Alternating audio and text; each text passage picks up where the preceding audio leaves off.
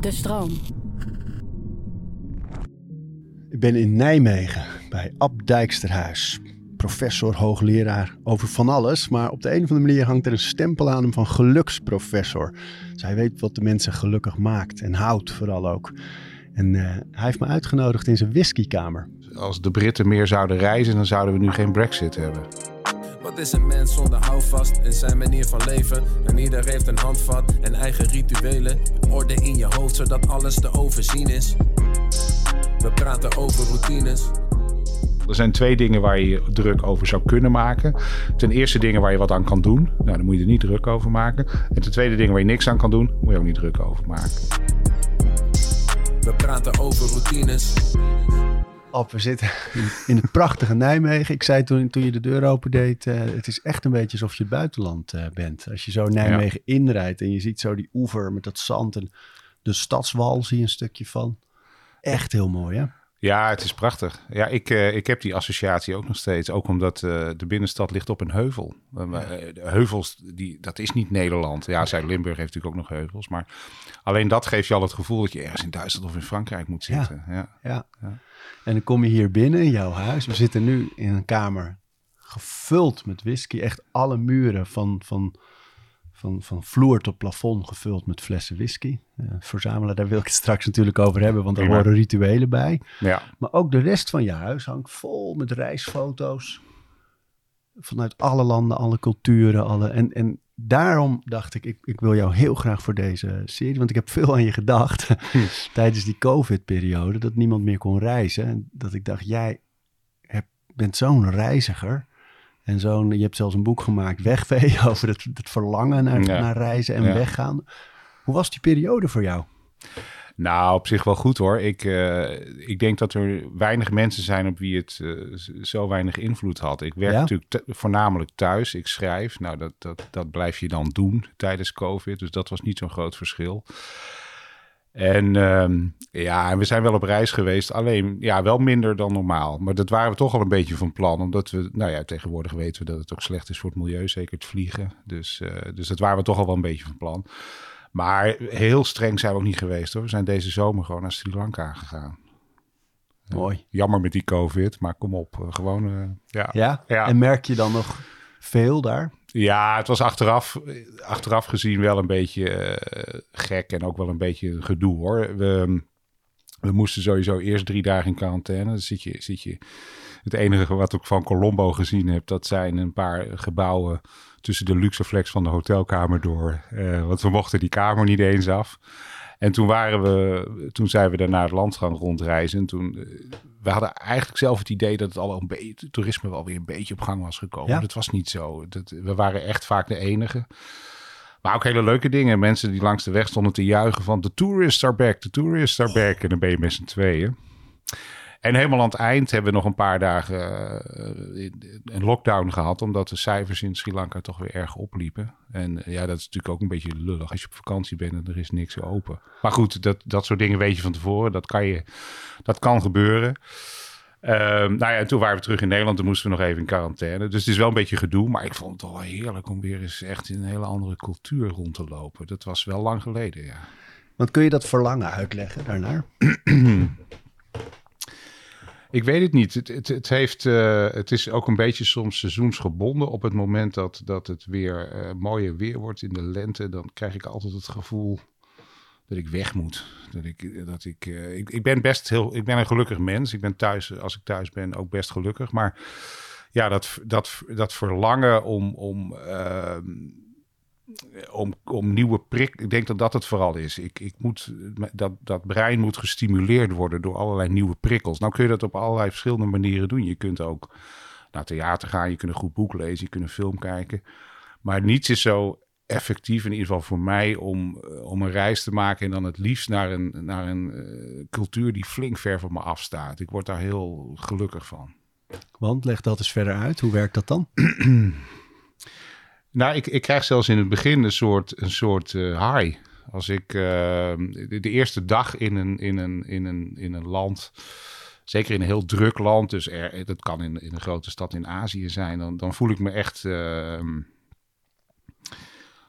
ehm, intens gelukkig. En ik denk dat dat komt doordat er een soort overprikkeling is. Hè? Als, je, als, je, als je door die grote drukke steden loopt, dan in het begin weet je echt niet wat je meemaakt. Um, en dat, maar dat, dat zakt op een gegeven moment wel weer. En dan ben ik, dan, dan kom ik in een soort ritme wat ik heerlijk vind. Elke dag uh, nieuwe dingen doen. Niet te veel nadenken over morgen. Uh, het mooie van reizen is dat je heel erg in het nu leeft. Hè? Dat wisten de boeddhisten al, dat dat goed is voor je geluk. Je bent eigenlijk de hele dag bezig met allerlei kleine beslissingen. Waar ga ik eten? Waar welk hotel nemen we als we morgen de stad uitgaan en naar een nieuwe stad reizen? Um, allemaal dingen die, die, allemaal gewoontes die je thuis hebt, die vallen weg. En, en ik, ik um, dat continu met kleine dingetjes bezig zijn, uh, hè, dat, dat, echt in het nu leven, dat, uh, dat werkt bij mij heel goed. En jij weet uh, natuurlijk vanuit jouw vakgebied daar ook, ook, de reden waarom dat dan zo is. Nou, ik denk een hele belangrijke reden is dat je um, dat je je geen zorgen maakt. Als, zo simpel is het vaak. Als je er zijn wel studies gedaan waarbij mensen elke keer gevraagd worden. Dat is een beetje gek, gekke studies, maar mensen worden opgebliept en dan wordt gevraagd: waar ben je nu over aan het nadenken? Hè? Wat zat er op, dat moment in, op dit moment in je hoofd? En wat je dan ziet is dat mensen ongeveer een derde van de tijd denken ze niet aan dingen die ze op dat moment aan het doen zijn. Dus je bent aan het stofzuigen en tegelijkertijd maak je je zorgen over maandag omdat je een afspraak bij de tandarts hebt. Of uh, je, je je zit tv te kijken, maar je dwaalt af met je gedachten. En je, je denkt na over iets uh, schaamtevols wat je de week ervoor hebt gedaan of zo. En, dat soort, en, en op het moment dat mensen dat veel doen, zijn ze minder gelukkig. de, de, de, boeddhisten zei het nogmaals al, je moet echt in het nu leven. Dat, dan word je, daar word je het gelukkigst van. Ja, dat heeft vooral te maken met de, de, de afwezigheid van zorgen en, en vervelende emoties. Nog als, ik zei net als voorbeeld schaamte, je hebt iets vervelends gedaan of zo. Dat, dat soort dingen. Dat heb je op reis allemaal veel minder. Je bent gewoon bezig met wat je op dat moment doet. En dat is, dat is heel rustig voor het brein, is heel fijn. Dus eigenlijk uit de routines en de gewoontes van de, van de norm van de dag. Hè? En dan ja. zoveel mogelijk nieuwe dingen opdoen, nieuwe dingen zien, nieuwe dingen leren. Ja. En, en ook een beetje misschien wel onzeker zijn over de situatie van hoe ga ik dit doen. Ja, tot op zekere hoogte. Ik denk dat, dat als je, als je, uh, als je te snel uh, nieuwe dingen eng vindt, dan, dan, dan moet je dit soort reizen niet maken. Maar ik heb dat niet zo snel. En jij zei zelfs, ik wil het liefst dat zo'n cultuur zo ver mogelijk van me afstaat. Ja, dat werkt het beste. Kijk, als je... Als ik, uh, als ik in, uh, in Engeland ben of in Italië, dat vind ik ook hartstikke leuk. Maar dan zijn er nog redelijk wat dingen die, die laten we maar zeggen, herkenbaar zijn. Waardoor je toch niet de hele tijd uh, in het nu leeft. Maar als je, als je voor het eerst door Old Delhi loopt, um, ja, dan, dan is er helemaal niets in je brein dat nog bezig is met, met thuis. Dan, dan ben je helemaal daar, uh, je bent ter, aan, de, aan de plaats overgeleverd, zeg maar. En dat, um, ja, dat maakt mij gelukkig. Um, het heeft nog een ander voordeel, dat, is, dat heeft ook te maken met die enorme prikkeling. Het, de tijd lijkt langer te duren. Als je, als je een week gewoon thuis bent en je, je volgt je routines, dan, dan zijn weken soms alweer om voordat je het in de gaten hebt. Van, oh, het is alweer vrijdag. Als je een week in, uh, nou, nou zeg in Frankrijk bent, dan duurt het al wat langer, want dat is voor een deel nieuw. Maar als je een week in Delhi bent, dat lijkt een maand. Dat is heerlijk. Dus je zou zelfs kunnen zeggen, reizen verlengt ook je leven. In ieder geval op een subjectieve manier. En dat komt omdat je brein de tijd bijhoudt. En dat doet het niet in uren of minuten, maar in nieuwe prikkels. Hoe meer nieuwe prikkels, hoe langer de tijd lijkt te duren als je er later op terugkijkt.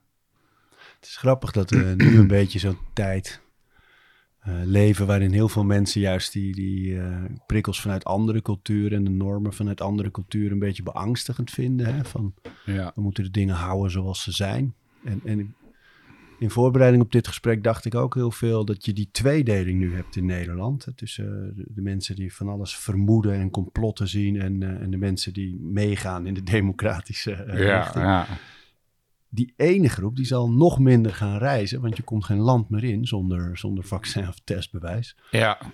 Dat dat nog weer groter wordt, die, die geslotenheid.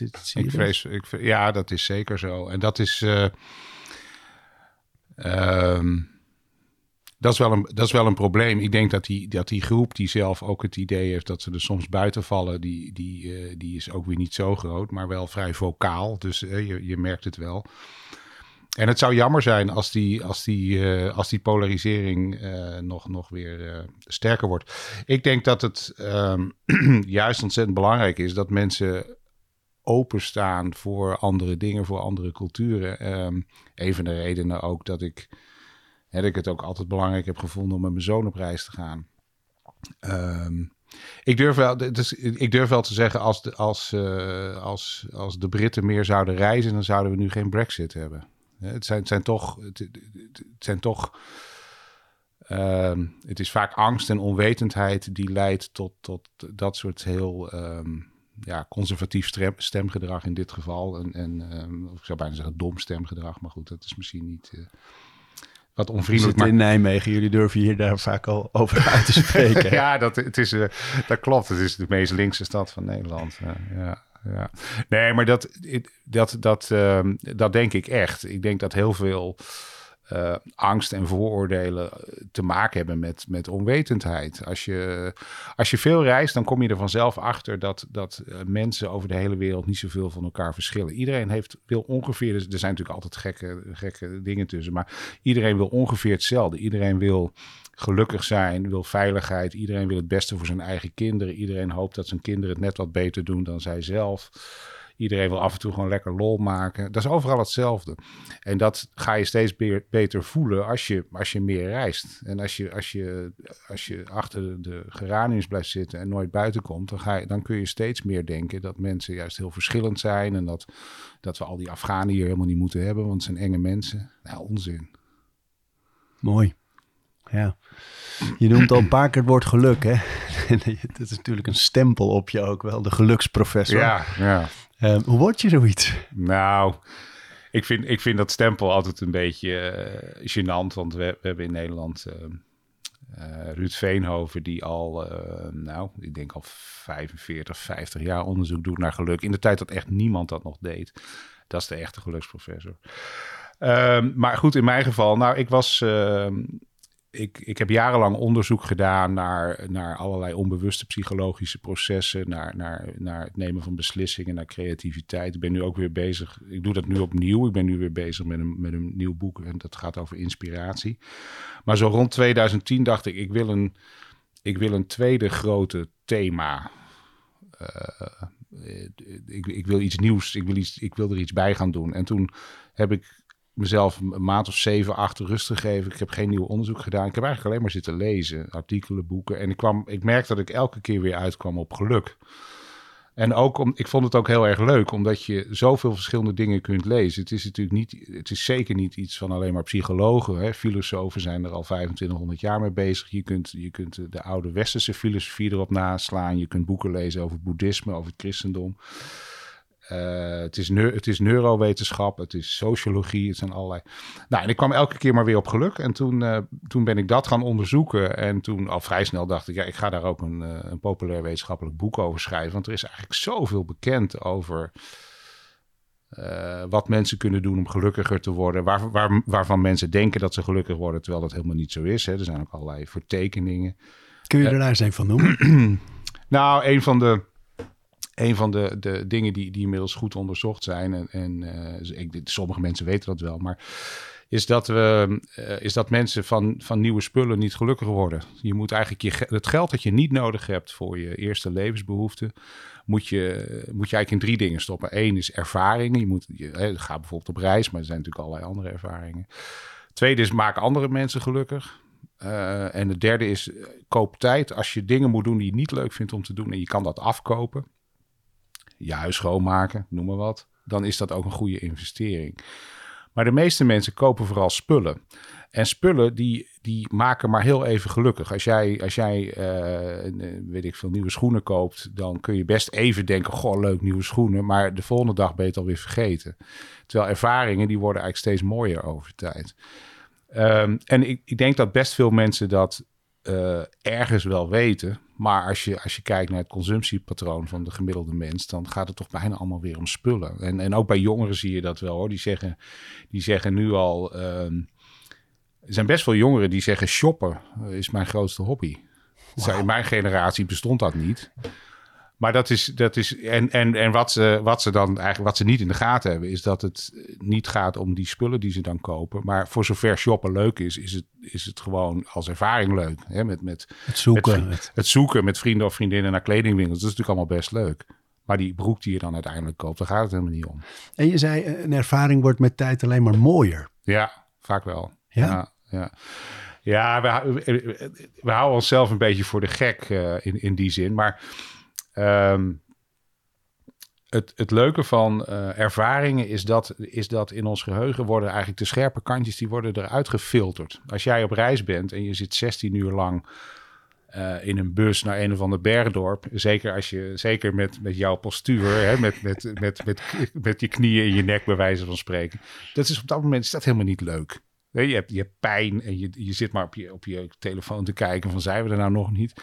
Maar je bent nog niet aangekomen dat bergdorp of je kijkt er al op terug als, het, als een prachtige heroïsche ervaring.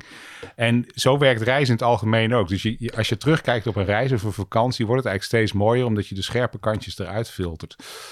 Ehm, we, hebben geen, we hebben geen goed geheugen voor, voor pijn en ook niet voor, voor andere vormen van ellende. Ehm, we, als, we als we pijn hebben gehad op, in een bepaalde periode, weten we nog wel dat we die pijn hebben gehad. Alleen we voelen het niet meer. Dat is wel, ehm, dat is wel opvallend. Eh, wat, bij, bijvoorbeeld bij angst werkt het niet zo. Als jij denkt aan iets heel engs, eh, dan gaat je hartslag ook iets omhoog, je bloeddruk gaat omhoog. Dan, dan voel je als het ware die, die, die angst ook een klein beetje, als je er alleen maar aan denkt. Bij pijn is dat niet zo. Als jij denkt aan pijn, krijg je geen pijn. En dat, ik denk dat dat ook heel handig is, want als dat wel zo zou zijn, zou geen enkele vrouw meer dan één kind willen. Maar je zou dus kunnen zeggen, omdat eh, de, de evolutie of de schepper waar je ook in wil geloven, eh, eh, ervoor heeft gezorgd dat, dat vrouwen meer dan één kind moeten krijgen, is reizen zo leuk. Hè? Kunnen, wij, kunnen, wij, kunnen wij terugkijken op reizen en het eigenlijk steeds mooier maken in ons geheugen. Het is waar, ja. Ik denk nu aan twee reizen die ik gemaakt heb. Toevallig allebei richting Amerika of in Amerika. Eentje was met een Greyhound-bus. Eh, kon je toen voor 29 dollar kon je het hele land zo'n beetje door. Ja, Toen reisde ik van New York naar San Francisco. Dus eh Ja, s s'nachts werd er gewoon doorgereden. echt het hele land inderdaad. Zo, en eh, we zijn gestopt omdat er door de politie iemand van de bus gehaald moest worden. Er waren vechtpartijen, er werd gekotst, er, mensen stonken. Het was, Ja. De randen van de bevolking gebruikten de bus. Ja, zat dat ik is, dan, de, ja, dat is de bus in tussen. Amerika. Ja. Zo, maar achteraf inderdaad heroïs. En ik heb ook een vlucht gehad van Amsterdam naar Chicago. En toen zat ik eh, met Tarom, zo'n Roemeense eh, vluchtmaatschappij die het goedkoopst was. Daarom vloog ik daarmee toen. Ja. En toen zat ik naast een man die zo dik was dat zijn zweet van zijn t-shirt mij nat maakte. Gewoon eh, Ja. de hele reis. Maar later werd dat zo'n mooi verhaal eigenlijk. Ja. Dat ik dat met trots vertelde inderdaad. Ja, je zit het nu ook lachend te vertellen. Ja, Ja. ik heb hetzelfde. Ik, ehm, eh, ja, we hebben elkaar een keer eerder gesproken, daar hadden we het over. Daar hangt, daar hangt bij mij beneden... eh, Oh ja, die foto. nu- ja, zit een, er is een foto eh, waarin ik eh, samen met Madeleine eh, aan, de, aan de voet van de Mount Everest sta. En op, op een soort gletsjer, zo ongeveer 5000 meter hoog. Dat is op zich niet heel heroïs. Daar kun je aan de kant van, dus aan de Tibetaanse kant kun je gewoon met de auto komen. Wel, het is wel een hobbelige rit van een paar uur. Maar goed, het is, het is niet dat we daar eh, twee weken voor hebben moeten hiken of zo. Maar altijd als ik naar die foto kijk, word ik heel gelukkig. Het was ook wel een, een schitterend moment dat je op een gegeven moment kom je een hoek om en dan rij je zo die, die gletsjer in en dan zie je voor het eerst de, de, de noordkant van de Everest. Maar hoe mooi ik het ook vind en hoe graag ik ook naar die foto kijk, ik weet ook wel dat toen ik daar was, had ik vreselijk last van hoogteziekte. Ik had echt knallende hoofdpijn. Eh, en ik had ook een, een soort halve voedselvergiftiging eh, door, door een verkeerde maaltijd. Dus wij, wij hebben daar één nacht geslapen en dan slaap je in een soort ja, guesthouse bij een klooster, het Rongboek-klooster. Lig je met vier man op een kamer. Het is heel koud. Eh, niemand slaapt, want het is, de, de, de lucht is veel te ijl. En als je even wegdut en je wordt wakker, dan schrik je kapot. Want je denkt je stikt, omdat je zo weinig lucht. Nou, en ik moest er dan ook nog vijf keer uit vanwege die voedselvergiftiging. Om ergens tussen, nou, ik zal niet in details treden. En dan zit je daar tussen de rotsen met, met, met snuivende jaks en grommende honden. Het was gewoon een hel. Ik heb er geen ander woord voor. En terwijl als ik nu naar die foto kijk, vind ik het helemaal geweldig. Maar iedereen op reizen, ieder- iedereen die, die reizen maakt, heeft dat soort voorbeelden. Het, is, eh, ja, ja, het, het wordt over tijd, eh, wordt, wordt ook wat, niet, wat op dat moment helemaal niet zo leuk was, wordt toch prachtig. En is het dan alleen leuk als je op reis bent? Of zou je eigenlijk altijd zo willen leven?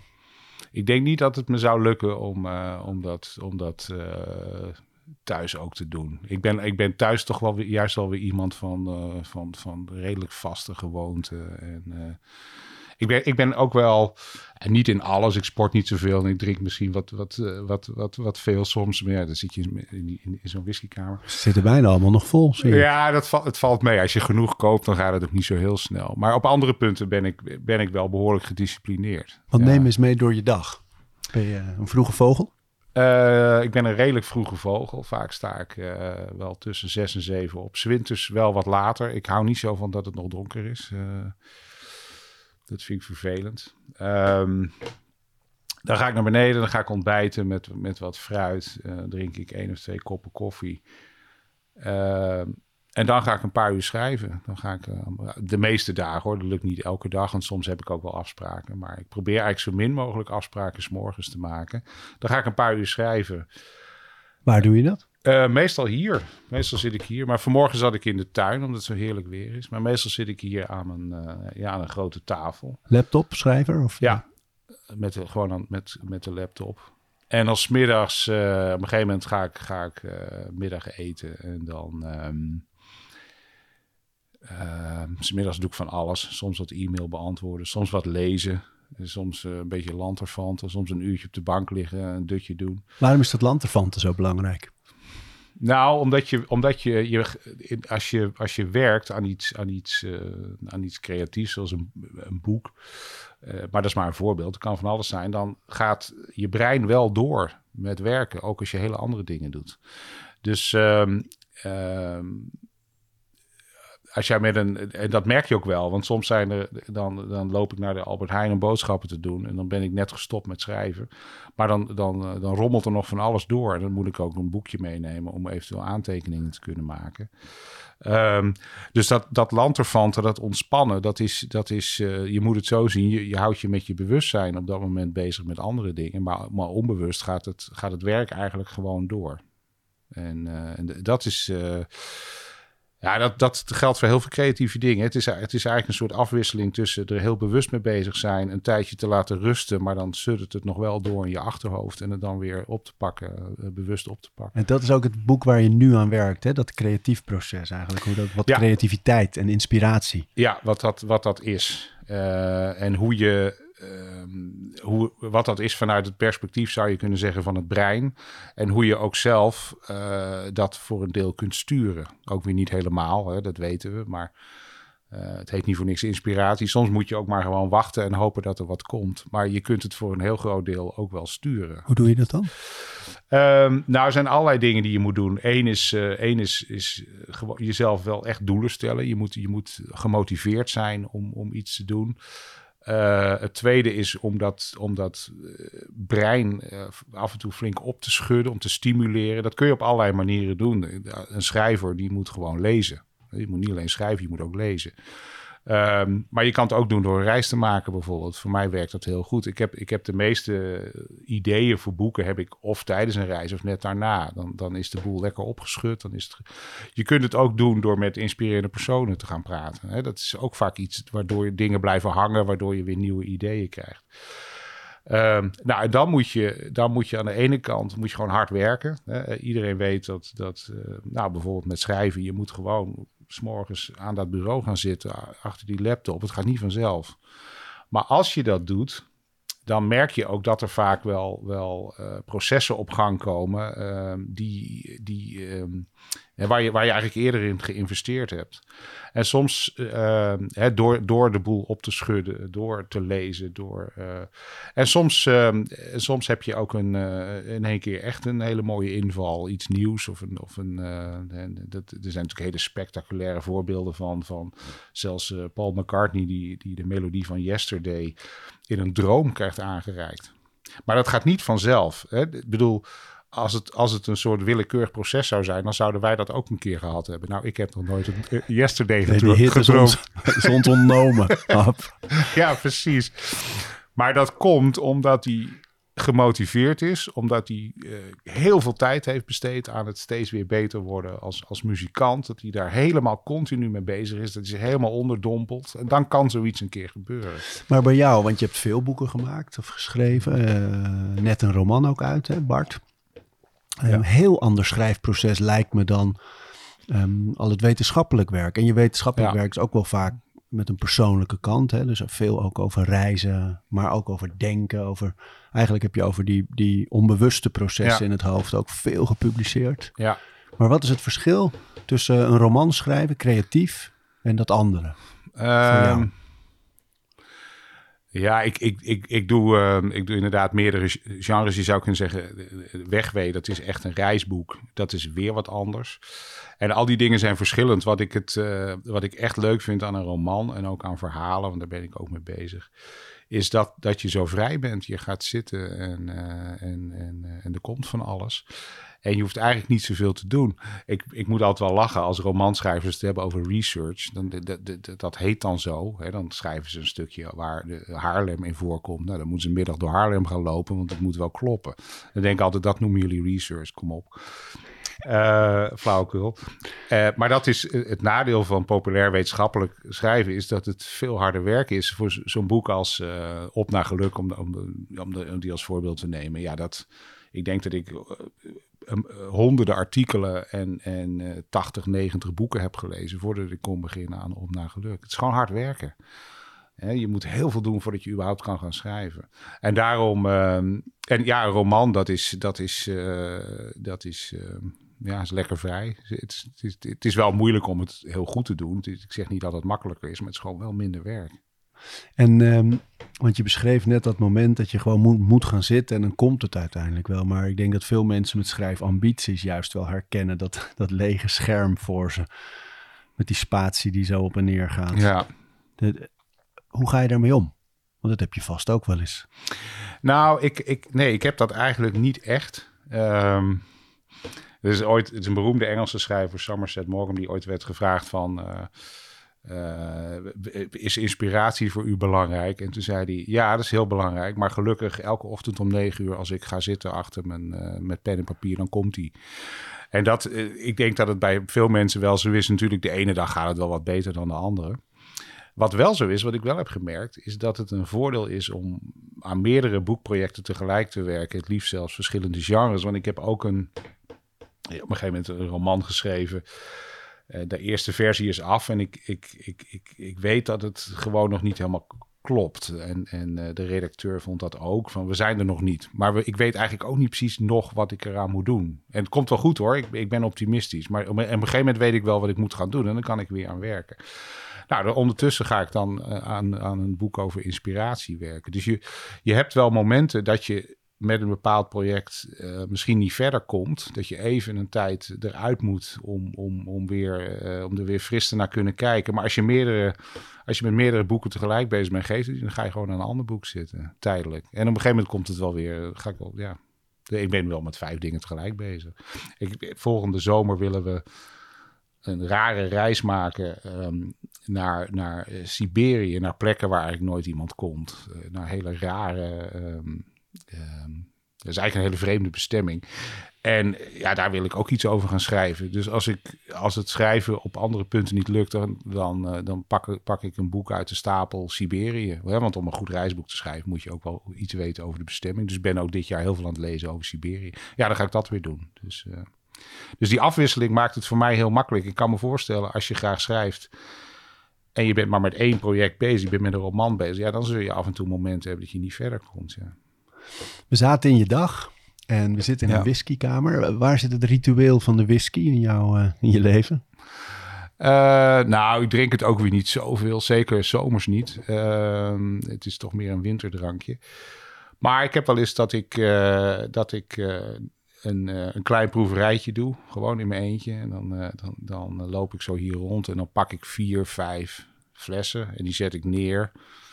En dan, en dan zet ik er weer eens één terug. Ik denk, nee, die niet. Of een nieuwe erbij. En waar baseer je die samenstelling op? Uh, dat, dat gaat redelijk intuïtief. Zo van, oh, hier heb ik wel weer zin in. Of dat ik echt een flesje... Want het zijn er zoveel. Ik zie ook wel eens een fles staan die open is. En ik heb geen idee meer hoe die smaakt. Het zijn er gewoon te veel. Dus dan, dus dan denk ik, nou, dan ben ik eigenlijk wel benieuwd naar. Was die nou eigenlijk lekker of niet? En dan ga ik, en dan zit ik hier een paar uur in mijn eentje met, met, uh, met, met proefglaasjes. Uh, ja, en dat, en, dat is ook een ontspanningsmoment, denk ik. Dan zit ik ook een beetje te mijmeren en, en zo'n beetje voor me uit te staren.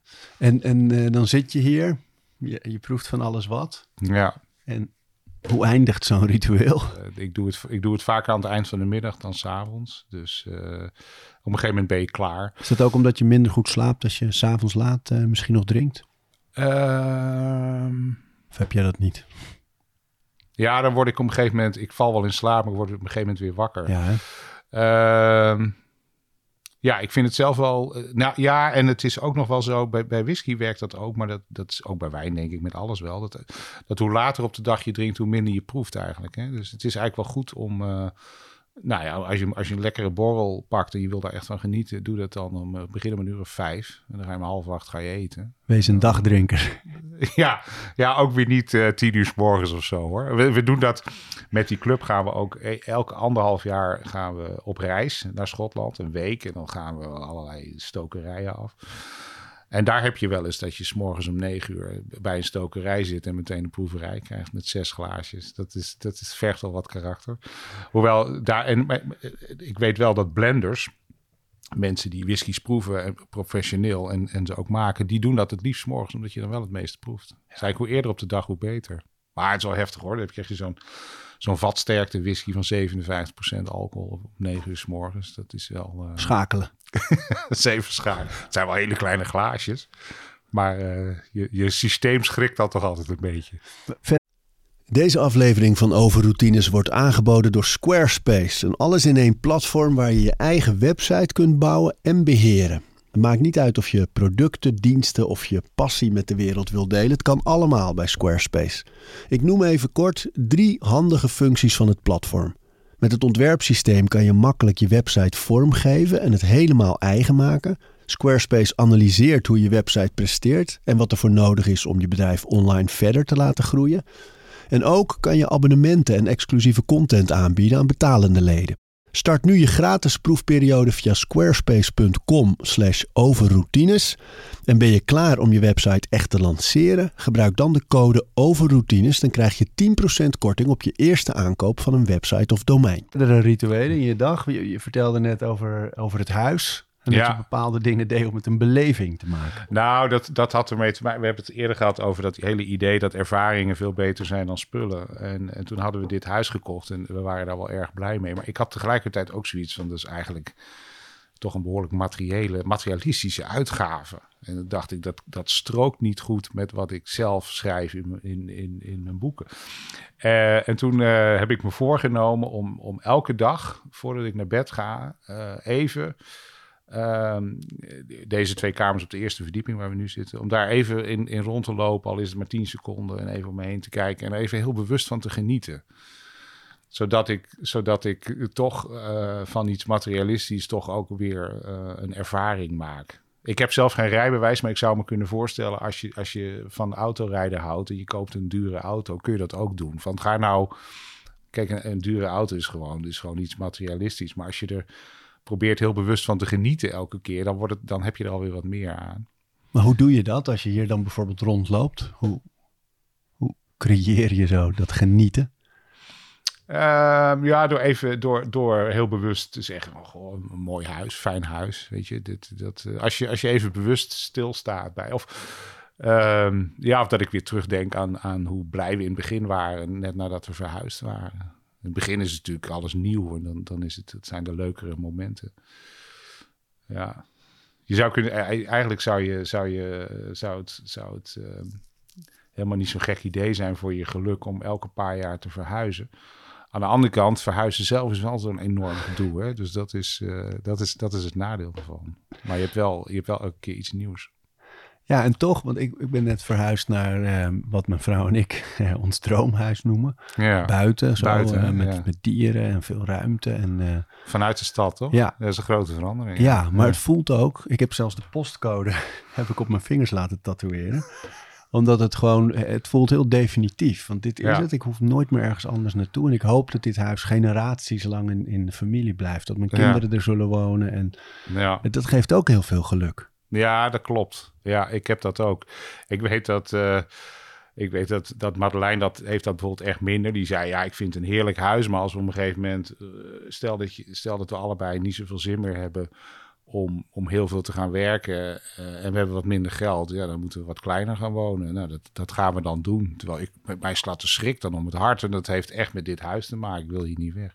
Dus ik heb dat ook, dat klopt. En dat geeft mij ook, geeft mij ook veel geluk.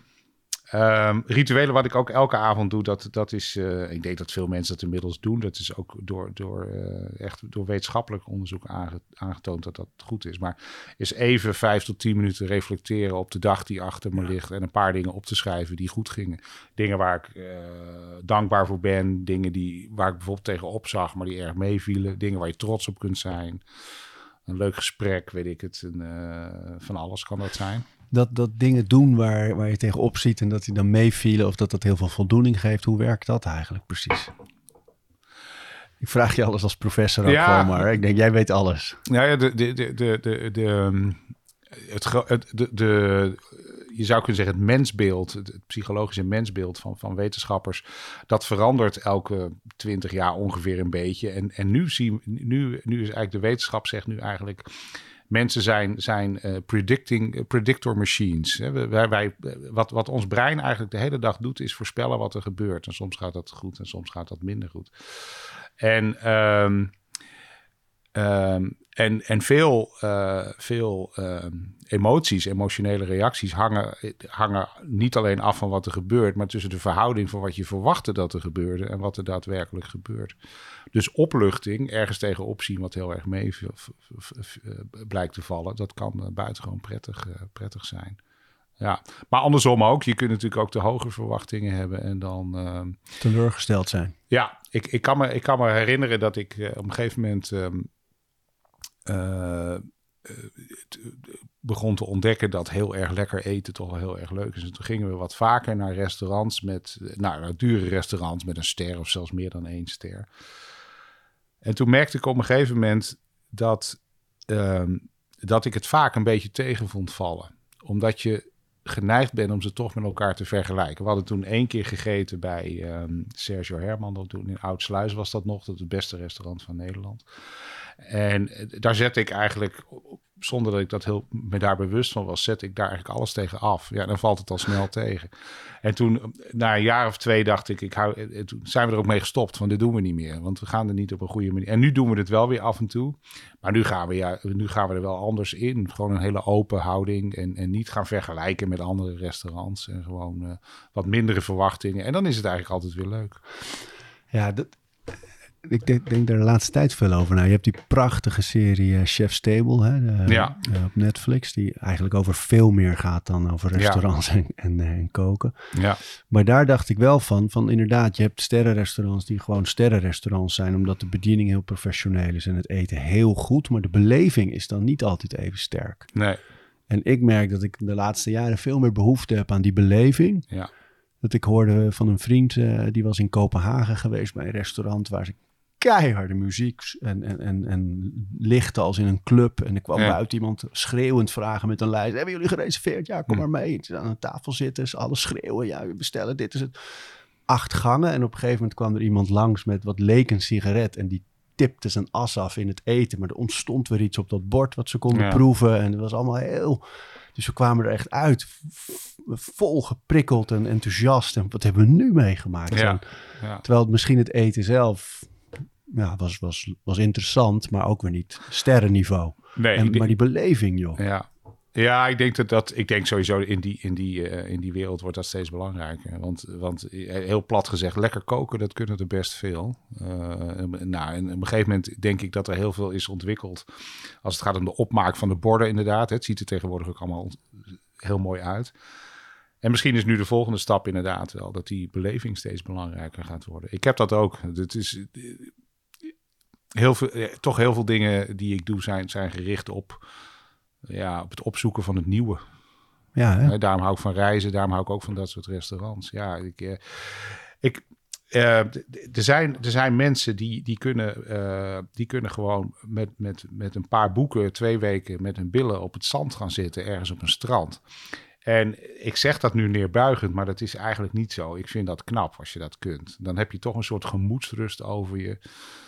Ehm, ik kan het niet. Ik kan, ik kan, ehm, ik zou, ik zou na, ik zou dat misschien één dag volhouden en dan zou ik erg ongelukkig worden. Ik moet altijd ergens mee bezig zijn. Zelfs als ik op reis ben, dan heb ik nog vaak het gevoel dat ik, eh, dat ik daar wel, dat ik, dat ik daar een verhaal over ga schrijven of een boek over ga schrijven. Dat, dat, ik moet altijd een soort doel hebben, altijd iets wat mij drijft. En als ik dat niet heb, dan vind ik dingen, eh, dan hou ik het ook echt maar heel kort vol. En eigenlijk zou je kunnen zeggen, is dat ook een tekortkoming, een soort onvolwassenheid. Nou ja, ik, ik vind het alleen maar heel mooi. Alleen ik vraag me wel dan af van die mensen op dat strand, die zullen zeggen, ja, maar ik heb een druk leven en ik wil tot rust komen. En, en jij kiest er heel bewust voor om een soort onrust te blijven opzoeken. Ja. Waar zit rust dan in je leven? Nou, wel, wel thuis hoor. Ik, eh, ik, zei al, ik ben redelijk gedisciplineerd. Ik, ik, eh, ehm, ik ontmoet ook niet zo heel erg veel mensen. Dat was vroeger meer toen ik ook fulltime op de universiteit werkte. Maar ik ben eigenlijk een groot deel van de tijd eh, ben ik op mezelf. En daar heb ik ook veel behoefte aan. Ik, ik kan niet...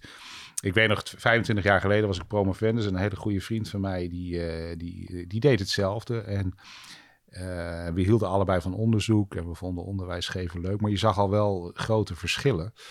Hij was iemand die altijd mensen opzocht, altijd uh, besprekingen had. Had ook, had ook meer afstudeerstudenten dan ik. En ik was altijd iemand die, nou, een paar uur per dag onder de mensen kan wel. Maar op een gegeven moment moet ik me weer terugtrekken. En, en, nu, uh, en nu, ja, ik ben vooral schrijver. Ik zit grote delen van de dag thuis. Hij is nu de baas van onze universiteit. Hij is collegevoorzitter. Ik, denk, ik weet niet hoeveel die werkt in de week. 70 uur, zoiets zal het zijn. Misschien nog wel meer. En dan, ik heb wel eens gevraagd, dan, wat doe je dan de hele dag? Ja, praten met mensen. Je zit de hele dag in het. Verschrikkelijk. Ik zou, ik, ik zou dat drie dagen volhouden. Dan kun je me opvegen. Dan kun je me naar het ziekenhuis brengen. Ja. Maar en hij, het vindt dan- het, hij zegt als een vis in het water. Hij vindt het heerlijk. Hij, het geeft hem energie. Maar zit het bij jou? Zit het hem in, die, in het inderdaad die mensen en de energie die dat kost? En de, of, of zit het hem in het gebrek aan eh, prikkels en ervaring? Want het is, het is min of meer hetzelfde, ook al zijn die mensen misschien verschillend. Ik denk dat ik. eh, ik denk dat dat. dat eh, ik denk dat het te maken heeft met de afleiding. Ik denk dat, ik denk dat aan de ene kant zoek ik prikkels op om, om dat brein eh, in gang te houden. Maar daardoor ben ik. Ik ben heel veel aan het denken over, over de dingen die ik schrijf, maar ook over andere dingen. En dat moet redelijk ongestoord gebeuren. En dat kun je niet als je ook een gesprek voert met iemand. En als dat een beetje kan wel, maar als dat te veel wordt, als ik, elk, als ik continu afleiding om me heen heb, ehm, ja, dan gaat het mis. En op reis lukt dat ook wel hoor. Vergis je niet, reis is natuurlijk, eh, is, is natuurlijk ja, hangt, hangt heel erg samen met het elke keer opzoeken van nieuwe prikkels. Maar er zitten soms ook, eh, dat je, er zitten ook periodes dat je gewoon vier uur in een bus zit. En dan ga je ook lekker mijmeren. En dan kun je ook lekker alle, denken over waar, waar je over na wil denken. Dus er zit, daar zitten ook heel veel van die rustmomenten in. Dat heb ik wel nodig. En Als is je, het denken altijd met een reden? Is het, ben je altijd ehm, op zoek naar, eh, naar inzichten voor boeken, voor werk, voor, voor onderzoek? Ja, ik, ik, ik denk het wel, maar dat, dat, dat, dat gaat niet altijd. eh, Die doelen die ik stel, die- daar ben ik me niet altijd heel erg bewust van hoor. Het, het is. eh, nou, denken gaat vanzelf. Hè? Het, meer productieve denken niet, maar, maar je bent altijd wel erg. Het zit altijd wel iets in je hoofd. Het is zelden echt leeg. Misschien, misschien een boeddhistische monnik die drie jaar in een grot zit. Hè? Dat spreekwoordelijk. Maar dat hoofd is nooit leeg. En. ehm, ja, ik geloof dat ik eigenlijk altijd wel, wel bezig ben met, met, met, eh, met grotere doelen die dan, die dan door mijn hoofd. eh, ik moest eh, dat. Ik heb laatst. Eh je had het over Chef's Table. Dat was ook een programma. Daar heb ik laatst ook zitten bekijken met Madeleine. Dat, de, de- dat was eh, een, een Vlaams journalist. Axel we- was zijn voornaam. Die met Sergio Herman naar verschillende landen ging. Eh, en, en dan merkte je ook dat, dat eh, op een gegeven moment, ik weet niet meer welke aflevering het was, maar Sergio was vrij vroeg wakker. En toen vroeg Axel, je dan niet daarna weer gaan? Nee, zegt hij, als die machine helemaal op gang komt, dan kan ik niet meer. eh. Ja, dat, dat heb ik ook. Ik ook, ja. Ehm, en dan kun je wel proberen te gaan slapen. Ik, het- soms lukt het, een enkele keer lukt het wel. Maar ik heb ook wel eens inderdaad dat ik om half zes wakker word. Een van de raar ideeën heb. En dan schrijf ik dat snel op. Hij ligt het naast je bed, een eh, ja, naast notitieblok. mijn bed. Ja, ja. En- Heb je vaak s'nachts dat soort ingevingen? nou, gelukkig niet, niet zo heel vaak, want het is natuurlijk knap onrustig. Soms wel, als je, mm, eh, als je bijvoorbeeld, eh, dat heb ik gemerkt eh, met Bart, en, en dat schijnen meer mensen te hebben. Als je, als je een roman schrijft en je bent echt aan, met de tweede helft bezig, eigenlijk het, het plot dat zich min of meer ontrolt. En, en Renate Dorrestein heeft het wel eens vergeleken met, die zei ook, het gaat eigenlijk, dat, dat deel gaat vaak vanzelf. Je zit op een soort glijbaan naar beneden. En dat, eh, toen ik daarmee bezig was, had ik wel had ik vaak dat ik s'nachts wakker werd en dan, en dan had ik een paar ideeën en dan kon ik niet meer slapen. En dan, nou, dan, ben ik er- dan ga ik er maar uit, dan ga ik maar schrijven. En dan ga je smiddags een uurtje liggen. Het is allemaal ook niet zo erg. Je- En eh, dat vind ik mooi, want dat, het brein gaat gewoon altijd door Ja, natuurlijk. gaat altijd door. Maar is dat bij iedereen zo of bij, alleen bij mensen die iets creatiefs doen? Nou, ik denk, ik denk dat het een, een eigenschap is van het brein. Dat, dat, ehm, en dat, dat, dat is waar ik nu ook over schrijf. Is je moet het eigenlijk zo zien. Je hebt, je hebt een. Je hebt een vouw in het tafellaken en het brein wil die vouw er weer uit hebben. En hoe doet het dat? Nou, door na te denken. Als jij een probleem hebt dat je op moet lossen, dan, dan gaat dat brein, dat brein wil dat probleem oplossen, dus gaat het nadenken. Ehm, ik denk de ene persoon zal dat misschien eh, meer hebben dan een ander, maar ik denk dat iedereen het wel heeft. Het hangt af van je doelen. Je kunt een heel klein doel stellen. Ik kan jou vragen: wat heb je gisteren gegeten? Dan gaat jouw brein even ratelen om een antwoord te kunnen formuleren. Maar het kan ook een heel Raps. Precies. En nu, nu, nu heb je het weer strak getrokken, want Ja. het antwoord is eruit. Maar als jij je, op, op het moment dat mensen zichzelf doelen stellen, of dat nou het, het, het, eh, het, het schrijven van een boek is, of het maken van een podcast, of, ehm, of, of iets heel sociaals, weet ik het, een, eh, een, een leuke maaltijd voorbereiden voor zes eh, vriendinnen die s'avonds komen, dat, dat kan allemaal. Op, op dat moment zou je kunnen zeggen, je, je, je stelt jezelf een doel en dat brein gaat daarmee aan de gang. En, en dus ik zou zeggen, da- daar hangt het eigenlijk vanaf. Als je, als, je, als je bepaalde doelen stelt, dan gaat dat brein werken. Mensen die een, als je brein stil is dan, en niks doet, dat zou voor mij betekenen dat je waarschijnlijk geen doelen hebt. Maar ik zie ineens ook de parallel met wat je net beschreef als, als ritueel eigenlijk om elke dag, en ik doe dat zelf ook, aan het einde van de dag te reflecteren en ook die Ja. dingen op te schrijven. Wat ging goed, wat moet anders, wat, waar liep ik tegenaan? Bijna als een soort dagboek. Ja, Maar dat je daarmee natuurlijk dat glad ook strijkt. Dat je niet als je s'nachts wakker wordt denkt, oh ja, dat, hoe zat dat ook alweer? Of hoe ging dat? Of morgen moet ik... ja. Is dat hetzelfde, denk je? Nou, het is niet helemaal hetzelfde, maar het, het- eigenlijk de, de reden, de werkza, het werkzame ingrediënt van, van dat s'avonds opschrijven wat er goed ging die dag is, ja, er zijn er meerdere, en dit is er één van, maar een, hele belangrijke is dat het je ook wel een, een wat positievere kijk geeft. Als je, je kunt, sommige mensen kijken toch wat meer naar de dingen die niet goed gaan, andere me- mensen kijken op een natuurlijke manier wat meer naar dingen die wel goed gaan, of naar de positieve kant van dingen, en dat kun je op deze manier een klein beetje trainen. Ik kan me nog herinneren, een paar jaar geleden eh, stierf David Bowie. En ik was daar wel een, paar dagen, nou niet ziek van, maar gewoon een beetje, een beetje eh, gewoon ietsje treuriger dan normaal. En toen las ik iemand die, eh, die schreef op Facebook, je moet je toch eens voorstellen, de wereld is 4,5 miljard jaar oud en het is jou gelukt om in dezelfde tijd te leven als David Bowie. Hè, dus hoe je van iets eh, treurigs toch weer iets heel moois kunt maken. Maar, ehm, maar wat jij zegt werkt ook. Het, het, het- ik denk zeker ook dat het een, eh, dat het een soort afsluiting is eh, van de dag... Die, die ook een bepaalde rust kan geven in je brein. Hoe ver moet je nog met het boek? Eh, het inspiratieboek, nou, een flink eind. Ik, ehm, ehm, het is, het is, het is een, eh, het is, het is, ik ben al heel blij dat ik eindelijk begonnen ben, laat ik het zo zeggen. Ik wilde dit boek al schrijven net na mijn eerste boek, Het Slimme Onbewuste. Ja, dus dat was een 2008. Absolute bestseller. Volgens mij inmiddels ruim over de 120.000, Ja, denk 130 ik. of zo, Ja. 130.000. Ja. Exemplaren verkocht. En nog- nog el- elk jaar ook nog een paar duizend. Het is Ja, een, dat op een gegeven moment denk je, natuurlijk- iedereen heeft het. Maar het is, eh, ja, het is leuk. En ik, ik, ik heb ook elk jaar nog wel een, een student of zo op de universiteit die zegt: Ik heb dat boek ooit gelezen. En toen dacht ik, ik wil psychologie gaan doen. Een heel dankbaar boek. Ja, het is, eh, Want voor, voor wie het nog niet kent, eh, zo'n student zegt dat omdat, wat is de kern? Ehm, nou, dat. Ik denk het allerbelangrijkste is dat wij, dat wij onszelf identificeren met, met ons bewustzijn, met het bewuste, rationele denken. En dat dat maar een heel klein deel is van de menselijke psychologie. En dat daaronder allerlei onbewuste processen spelen die, die, die belangrijk zijn bij het nemen van beslissingen, die belangrijk zijn in de waarneming, die belangrijk zijn voor creativiteit, die we, die we nauwelijks kennen, maar die wel ontzettend belangrijk, uh, ontzettend belangrijk zijn. En, en, in die, en, en er zit in die zin misschien ook wel een les in. Het is ook een lesje bescheidenheid. Hè? Je, houdt de, je houdt mensen een spiegel. Denk nou maar niet dat je alles in de hand hebt en dat je alles kunt bepalen zelf. En nee hoor, er gebeurt van alles uh, waar je helemaal geen. En sommige mensen vinden dat een griezelige gedachte. En andere mensen vinden dat juist, uh, zoals ik, ik vind dat een hele rustgevende gedachte. Van je moet je niet overal druk over maken, want het heeft toch geen enkele zin. Hè, dat, dat is toch uh, ja, zo'n hele oude waarheid van de Stoïcijnen al. Er zijn twee dingen waar je druk over zou kunnen maken. Ten eerste dingen waar je wat aan kan doen. Nou, dan moet je er niet druk over maken. En ten tweede dingen waar je niks aan kan doen, moet je ook niet druk over maken. En dat, is, dat, is, dat zou je kunnen zeggen, dat zit, daar, dat, zit, dat zit er ook nog wel een beetje onder, onder dat boek. En um, ja, wat ik al zei, nou ja, nu, toen wilde ik een opvolger schrijven, eigenlijk vooral over, uh, over inspiratie en creativiteit, dat ook die onbewuste processen daar een enorme rol in spelen.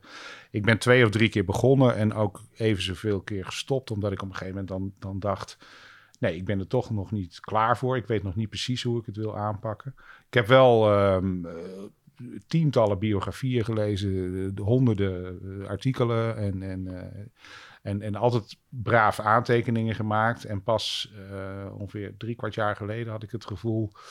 ja, nu weet ik eindelijk hoe ik het aan ga pakken. Ik had, ik had ne hè, negen hoofdstukken met een soort indeling. En, en, uh, die doe je dan vooraf. Dus dan heb je ja. vooraf wil je een structuur hebben die je gaat vullen. Ja, ja, dat hoeft niet, dat is niet in steen gebeiteld. Het zou best kunnen dat het toch acht of tien hoofdstukken worden, omdat ik op een gegeven moment denk van dit hoofdstuk knip ik liever in tweeën of deze kunnen juist goed bij elkaar. Maar dat wordt het dan wel ongeveer.